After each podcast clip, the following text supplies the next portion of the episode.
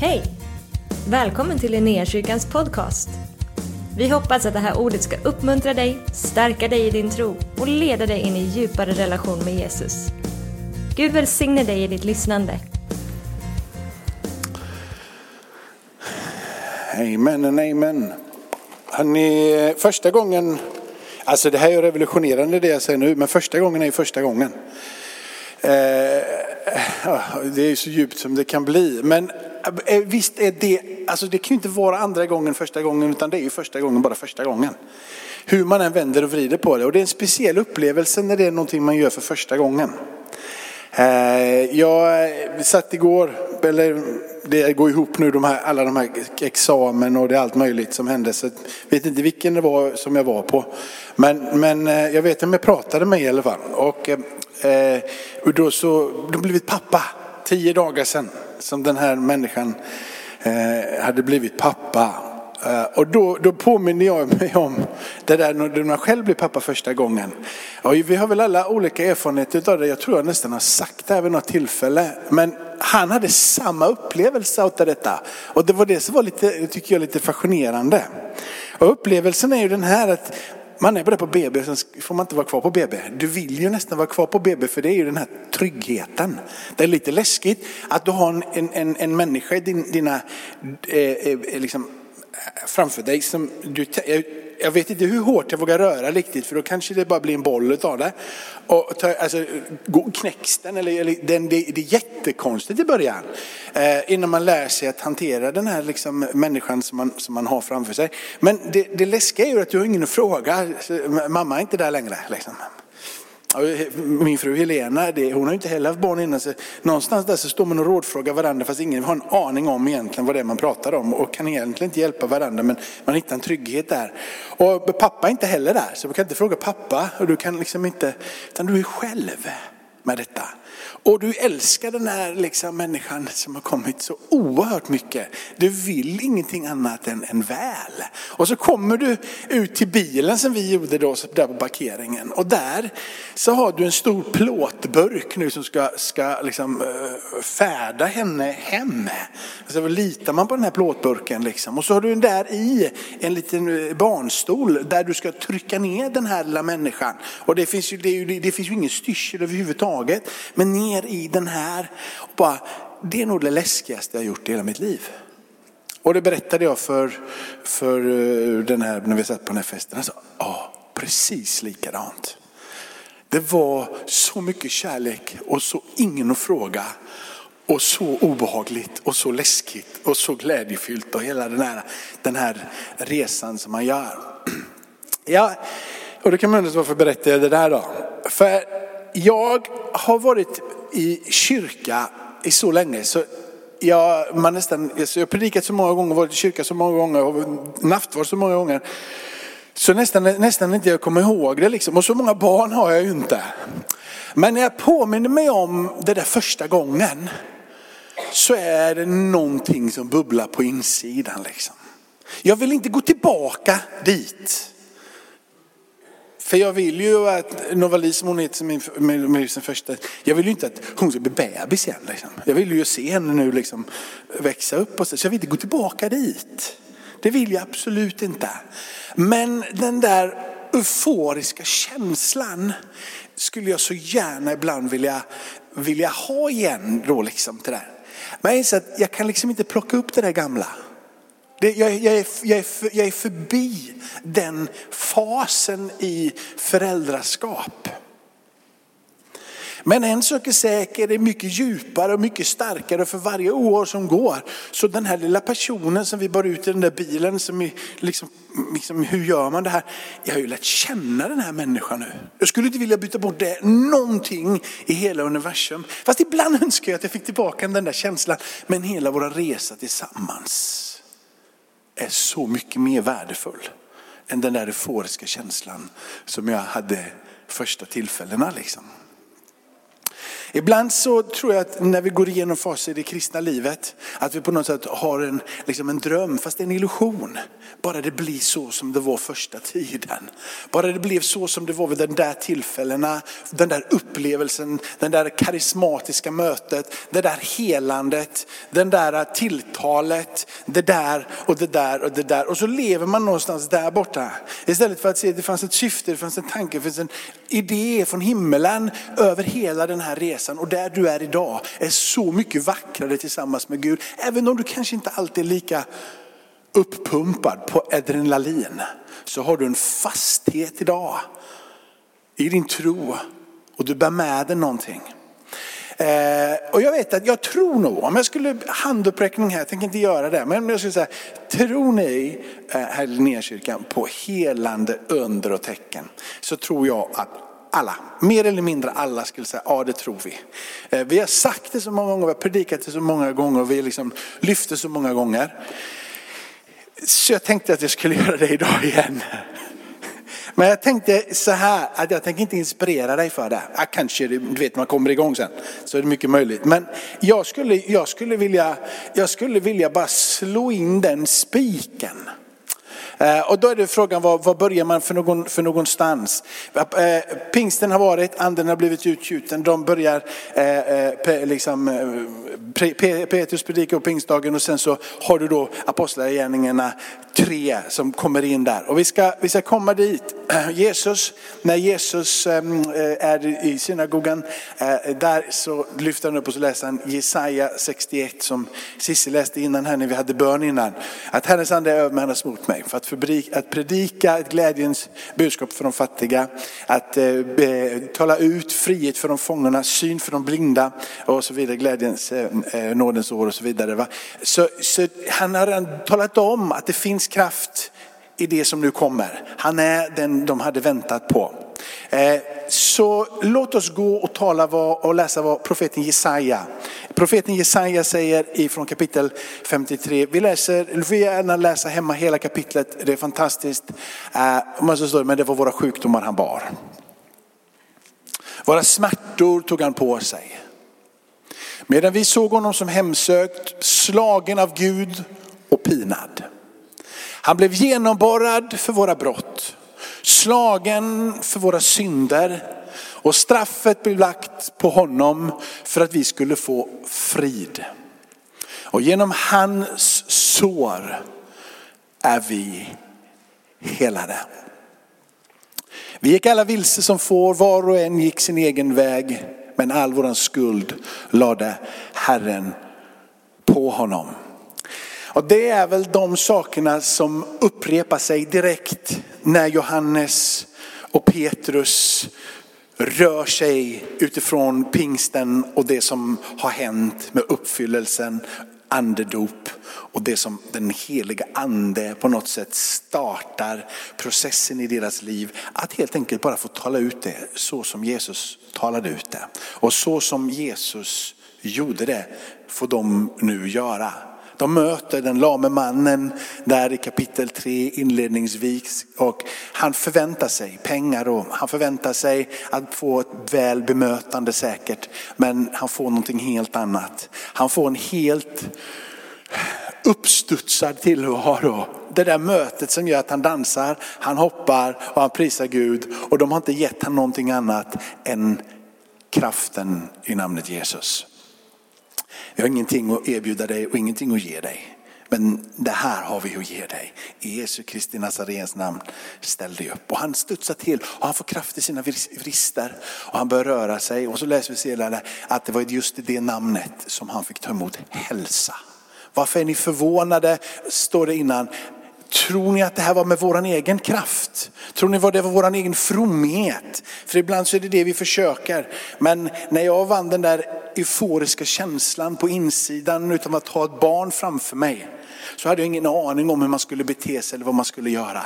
Jag hade ingen lärdom, jag kunde ingenting, visste ingenting och visste inte vad jag kunde bemöta den här lilla, lilla människans behov. Lite så känns det när man får gå in i det kristna livet. Det är på uppstuds och det är glädje, men hur vi hela tiden ska göra det. Bara ett ögonblick senare så försöker vi ta på oss en klädnad som vi ändå inte klarar av att bära. Vi försöker bli fromma och duktiga och vältaliga och vi klarar inte av att bära det så det blir ett ok på oss. Och det enda vi försöker göra det är nästan att fly ifrån det. Och så behöver den där pirande känslan på insidan igen för att resa oss upp och säga nu ska jag vara from och duktig. Istället för att bara ge upp och säga jag vet inte hur man gör det här, jag vet inte hur man kan det. Men en sak vet jag, att det finns kraft och det finns hälsa och det finns frälsning i namnet Jesus.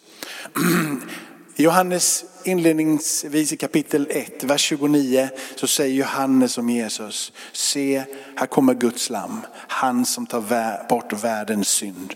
Ett av de första miraklerna som ligger där i Matteus evangeliet efter bergspredikan, spetälska först och så vidare. Men så är det Jesus svärmor som blir helad i kapitel, i kapitel 8. I kapitel 8 från vers 17, eller på vers 17 så står det för att dessa ord skulle gå i uppfyllelse från profeten Jesaja. Han kommer Jesus är där och hon har feber och febern lämnar och så står det att det kommer att de tar dit alla som hade orena andar och alla som var sjuka och alla blir botade. För att just det ordet som vi har läst Jesaja 53 skulle gå i uppfyllelse. Nu finns en röd tråd genom hela Bibeln. Att han som skulle komma, han skulle ta bort världens synd och i hans namn och genom hans liv och hans död och uppståndelse så kommer det finnas läkedom genom hans sår för dina och mina sjuka kroppar. Det är en grundfundament i hela det evangelium som vi predikar. Att det finns frälsning och att det finns läkedom. Det är ingenting som vi som kristna försöker pumpa upp oss med. Vi kan göra det ibland för det är till en hjälp. För jag övertygad om, om jag skulle göra en handuppräckning här igen och till och med kanske ta fram några, så skulle jag gissa på att flertalet här inne faktiskt har fått uppleva ett mirakel, ett helande, någon gång så har du haft ont någonstans och de har bett och det har försvunnit. Jag tror det är väldigt många som skulle, men jag tänkte att nej men, vi ska inte göra det på det sättet idag. Och det finns tillfälle för vittnesbörd. Men istället bara luta sig och säga så här, vi tror för att det finns här. Så om vi inte skulle se någonting så skulle vi ändå tro. För våran tro är inte baserad på det som vi ser. Våran tro är baserad på det som vi inte ser. Det vill säga han som vi inte kan se, han som är ande, han som på din insida övertygade dig om sin existens. Han som du inte kan bevisa att han, att han existerar med fysiska medel. Men han som har övertygat dig på din insida om sin fullständiga existens. Har demonstrerat sin verklighet genom att han kom in och vidrörde dig här i det fysiska. Så hela du kände att du var levande. Din tro är långt förbi din egen kapacitet att tänka. Din tro har blivit ingjuten genom ordet och genom hans ande på insidan i ditt hjärta. Så du känner dig sammankopplad med han som är den evige. Där har du din grund. Amen. Vidare så växer kyrkan och i Apostlagärningarna 3 och in sen i kapitel 4, det är de två kapitlen som jag rör och talar lite runt omkring. Vi ska läsa några verser. Jag, jag, jag, jag har liksom uppskrivit massor med mig, men jag har redan pratat förbi dem. Men eh, där har du fått, ja, dit är vi inte än, dit kommer vi. Men eh, jag tror att, jag tror att, jag tror att jag, eh, vi, kan, vi kan läsa, jag tror att vi har med, mm, mm, vi har nog med Matteus va? Matteus, det måste vara berättelsen direkt efter. Jesus kom hem till Petrus hus och han såg att Petrus svärmor låg sjuk i feber. Han rörde vid hennes hand och då släppte febern. Hon steg upp och betjänade honom. Och när det blev kväll kom han till honom med många besatta. Och han drev ut de onda andarna med sitt ord och han botade alla som var sjuka. Och för att det som var sagt genom profeten Jesaja skulle uppfyllas. Han tog på sig våra svagheter och bar våra sjukdomar. Johannes evangeliet. Nästa dag så såg han Jesus komma, alltså Johannes, och han sa det se Guds lam som tar bort världens synd. Och från första Petrus brev kapitel 2, vers 24. Han bar våra synder i sin kropp upp på korsets trä för att vi skulle dö bort ifrån synden och leva för rättfärdigheten. Och genom hans sår är ni helade. Petrus som får vara den liksom, eh, på något sätt den som är med och etablerar och stadfäster tillsammans med övriga lärjungar det som får vara den första kyrkan. Och när han då skriver dessa brev sen lite senare på resan så har de fått vara med om det som till exempel händer då på pingstdagen, det som händer i Apostlagärningarna 3, det som händer i Apostlagärningarna 4. Att han får sen änglar på besök när han är, ska och vidare röra sig runt om Cornelius hus. Det är otroliga berättelser om hur Petrus får bli använd av Gud, får vara med om fantastiska saker. Men när han refererar till det och försöker bygga en grund för dig och mig och den tidiga kyrkan så refererar han här till en gammal profet som levde 700 år före Kristus. Det är som att han säger att det där ordet som kommer ifrån himlen, det som är det levande ordet, det som är Guds ord, nedskrivet på pränt, inspirerat av den helige ande. Det vi har sett och det vi har hört om han som personifierar och lever ut den där levande tron som bara kan komma ifrån Gud, hans son Jesus som landar här. När det får bli implanterat så blir vi sammankopplade med honom och när vi läser om ordet och uppfyllelsen av ordet och ser hur det är en profetisk rörelse som rör sig in och där händer det så är det så att det inte bara händer där utan det fortsätter att hända. Och Petrus säger det är genom hans sår som ni blir helade. Vidare i den här berättelsen så börjar det hända saker. Folket undrar vad det är och Petrus är tydlig. Frälsning genom Jesus och det är kraften i hans namn som han har blivit, fått hälsa och liv. Vidare så kommer de här eh, liksom, eh, fariseer och de som är, bestämmer. Myndigheten kommer. Myndigheten kommer och så säger ni får inte hålla på och snacka på det här sättet. Kom, kom, fängsla dem ett dygn och sen så har de varit fängslade och dagen efter så ska de få stå till svars inför det som precis har hänt. De gör samma sak där igen. De fortsätter predika samma sak igen. Det är liksom ingen ny twist på det. Va? Det är samma gamla, samma gamla vanliga. Liksom. Det här, de försöker inte trolla fram någonting nytt för att åhörarna ska bli lite, liksom, nu säger, utan det, det är så här. Att ni dödade honom, men han uppstod ifrån de döda och bara i namnet Jesus så finns det frälsning. Och ni tror och kan tycka vad ni vill, men det har inte med oss att göra att han har blivit helad. Det har bara med han att göra att han har blivit helad. Och de går ett steg längre för att verkligen stadfästa vad det är de håller på med i den här liksom förkunnelsen och vittnesbördet om. De säger till och med, det finns inte frälsning hos någon annan. Det finns inte räddning hos någon annan. Ingen annan väg finns att finna. Det finns bara en väg in i frälsningen, en väg in i det fullständiga helandet, en väg in i det som får vara evigheten och det namnet Jesus. De är så frimodiga och de är så radikala så man undrar vad skulle kunna få dem på fall? Vad skulle kunna väcka någon form av rädsla?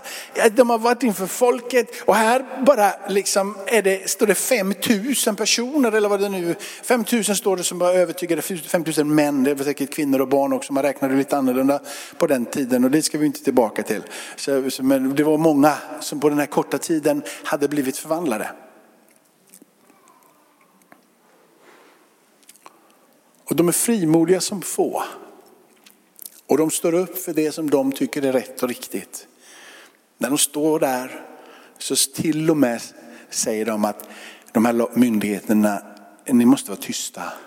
Ni får inte prata längre. Än så länge i Sverige så finns det ingen som talar om för oss att vi ska vara tysta. I alla fall inte när det gäller allt. Men det finns några saker som vi inte får säga.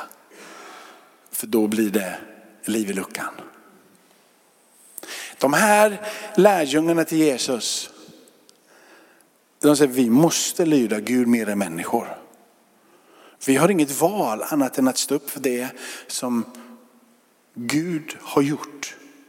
För du vet, vi har blivit vittne till någonting som har fullständigt revolutionerat våran värld. Vi trodde han var död, men han uppstod och han var vid vår sida.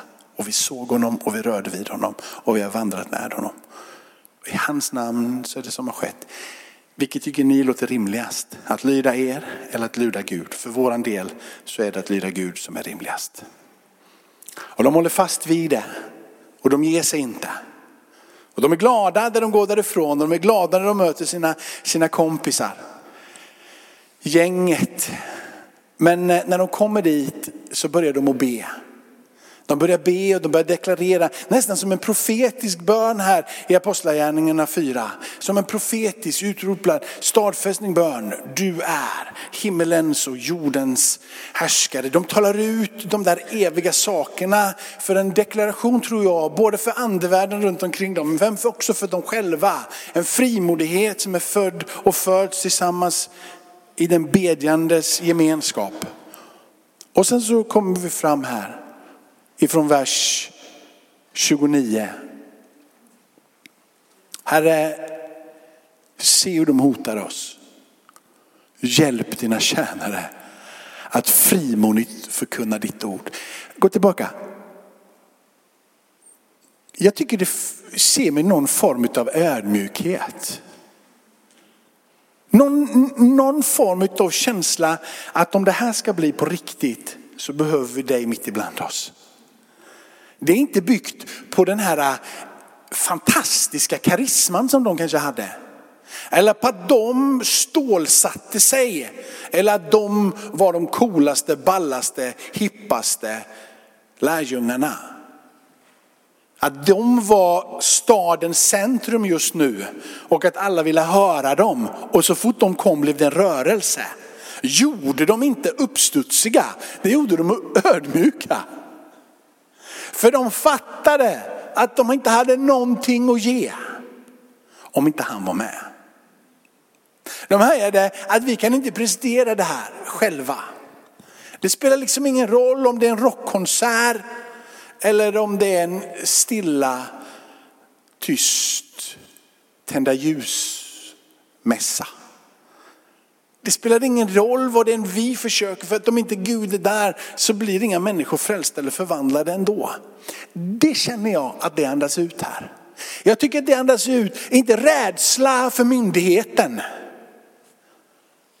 Utan för någon form utav att vi själva ska gå vilse. Att vi själva ska tappa iven, att vi själva ska tappa hungern, att vi ska tappa frimodigheten, att vi ska tappa blicken, att vi ska tappa, det är inte riktat en bön som att skydda oss emot dem. Utan skydda oss ifrån oss själva. Hjälp din tjänare och din tjänarinna att fortsättningsvis vara frimodiga och överlåtna så att vi kan predika ett evangelium. Hjälp dina tjänare. Ibland så tänker vi ofta att det är de där borta som vi behöver ha hjälp. Jag tror att den första du behöver ha hjälp ifrån, det är dig själv. Och ditt eget sätt att resonera som vill plocka dig bort ifrån det som kanske är det viktigaste och mest centrala. Man brukar säga så här, när, när, när missbrukare kommer tillbaka och blir, blir frälst eller blir frälst och, och slutar, så brukar de ibland förhandla med sig själva. Men bara en gång jag kan gå lite dit och det gör ingenting. Men de har kommit till insikt att det går inte att förhandla med sig själv. Det går liksom inte att lura sig själv. Det finns bara en väg och det är att säga nej, stopp, jag går inte den vägen. Går jag den vägen i minsta lilla så vet jag var det slutar. Det slutar helt fel. Lite av samma känsla känns det som dessa lärjungar har. Hjälp oss nu, för det är här vi behöver mot oss själva. Vi är frimodiga när vi möter motstånd. Men vi vet att vi har gömt oss. Vi vet att vi har förnekat våran Herre. Petrus vet ju det, eller hur? Han vet jag förnekade honom vid ett tillfälle. Trots att jag inte ville förneka honom så förnekade jag honom. Eller hur? Och trots att vi sa att vi skulle följa så gömde vi oss. Trots att vi var så frimodiga och trots att vi ville så väl så gick vi undan. Och vi har gömt oss här, så rädda oss ifrån oss själva och låt oss frimodigt få fortsätta förkunna det evangelium Amen, är ni med mig? Det tror jag är vad som står där. Inte att de är rädda för Anders och Håkan i affären som mobbar dig när du kommer för att du har köpt falukorv. Ja, men eh, du förstår vad jag menar. Så de som på, Okej, okay, så, det, så, så ser jag på det. Nästa vers. Och så säger de så här. Och det här är ju, det här är ju vad Jesus säger. Markus, sista kapitlet. Eller hur? De här tecken ska följa dem som predikar. Och så säger de, vi behöver din frimodighet på våran insida. Vi behöver att det är du som skyddar oss ifrån oss själva. Du gör oss att vi fortsätter förkunna. Och så ber vi, sträck ut din hand. Och låt helande, tecken och under ske genom den helige tjänaren Jesu namn. De pekar inte på sig själva, de pekar bara på honom. Och Jesus sa att det var på det här sättet det skulle vara. Apostlagärningarna då, alla apostlarna och lärjungarna, de fattade det här direkt i början. Petrus, när han refererar till det här långt, långt senare, när han skrev i breven, säger att så här är det. Och vi vet att hela kyrkan har varit fylld av helande under tecken och mirakler i alla tider. Till och med innan kyrka var en kyrka. För i gamla testamentet så är det så många mirakler och så många konstiga situationer och så många ingripande utav Gud. Så det vore ju dumt att skriva ner alla de där om det inte vore för att det just är sant. Det var inte som, som alltså skriva ner berättelsen om Jona om det inte vore sant. Eller? Skriva ner berättelsen om arken som, som på något sätt drar med sig alla människor till död. Men som sen blir ett löfte om att Gud aldrig mer ska döma på det sättet. Men regnbåge som är där uppe. Det är ju jättekonstiga berättelser, eller? Det är bara du som känner att ja, Jakob, du verkar rätt konstig detta. Men för mig är det jättekonstiga berättelser. Men om de vore sanna, och det är de, så blir det liv. Det blir orimligt och så fortsätter det.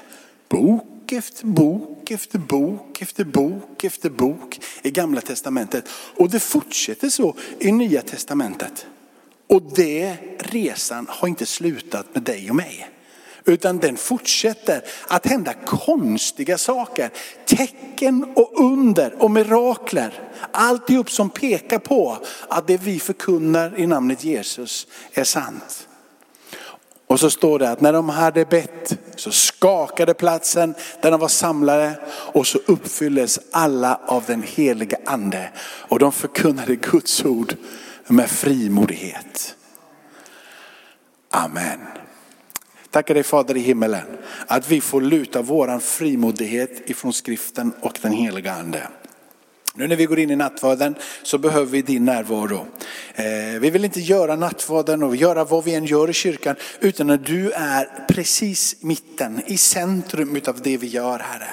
Låt ditt ord få tala och låt den här stunden när vi genom nattvarden får förkunna ditt lidande, din död, din uppståndelse, din himmelsfärd och din återkomst i härlighet. När vi proklamerar ut vår egen bekännelse under den här stunden vill vi också ta emot den nåd som finns vid det dukade bordet. Att återigen om och om igen få avlägga oss det som är synd, skuld och skam inför dina fötter och igen ta emot livet som finns att få hos dig i ett allt större och rikare överflöd. Låt det få flöda över oss den här stunden. Fyll oss igen och igen och mer och mer med den heliga andes närvaro. Och jag ber Herre, låt den här platsen få skaka och låt oss få tala ut och vittna om att vi blev fyllda med den heliga ande. Och vi gick ut ifrån det mötet med dig Gud och vi predikade frimodigt namnet Jesus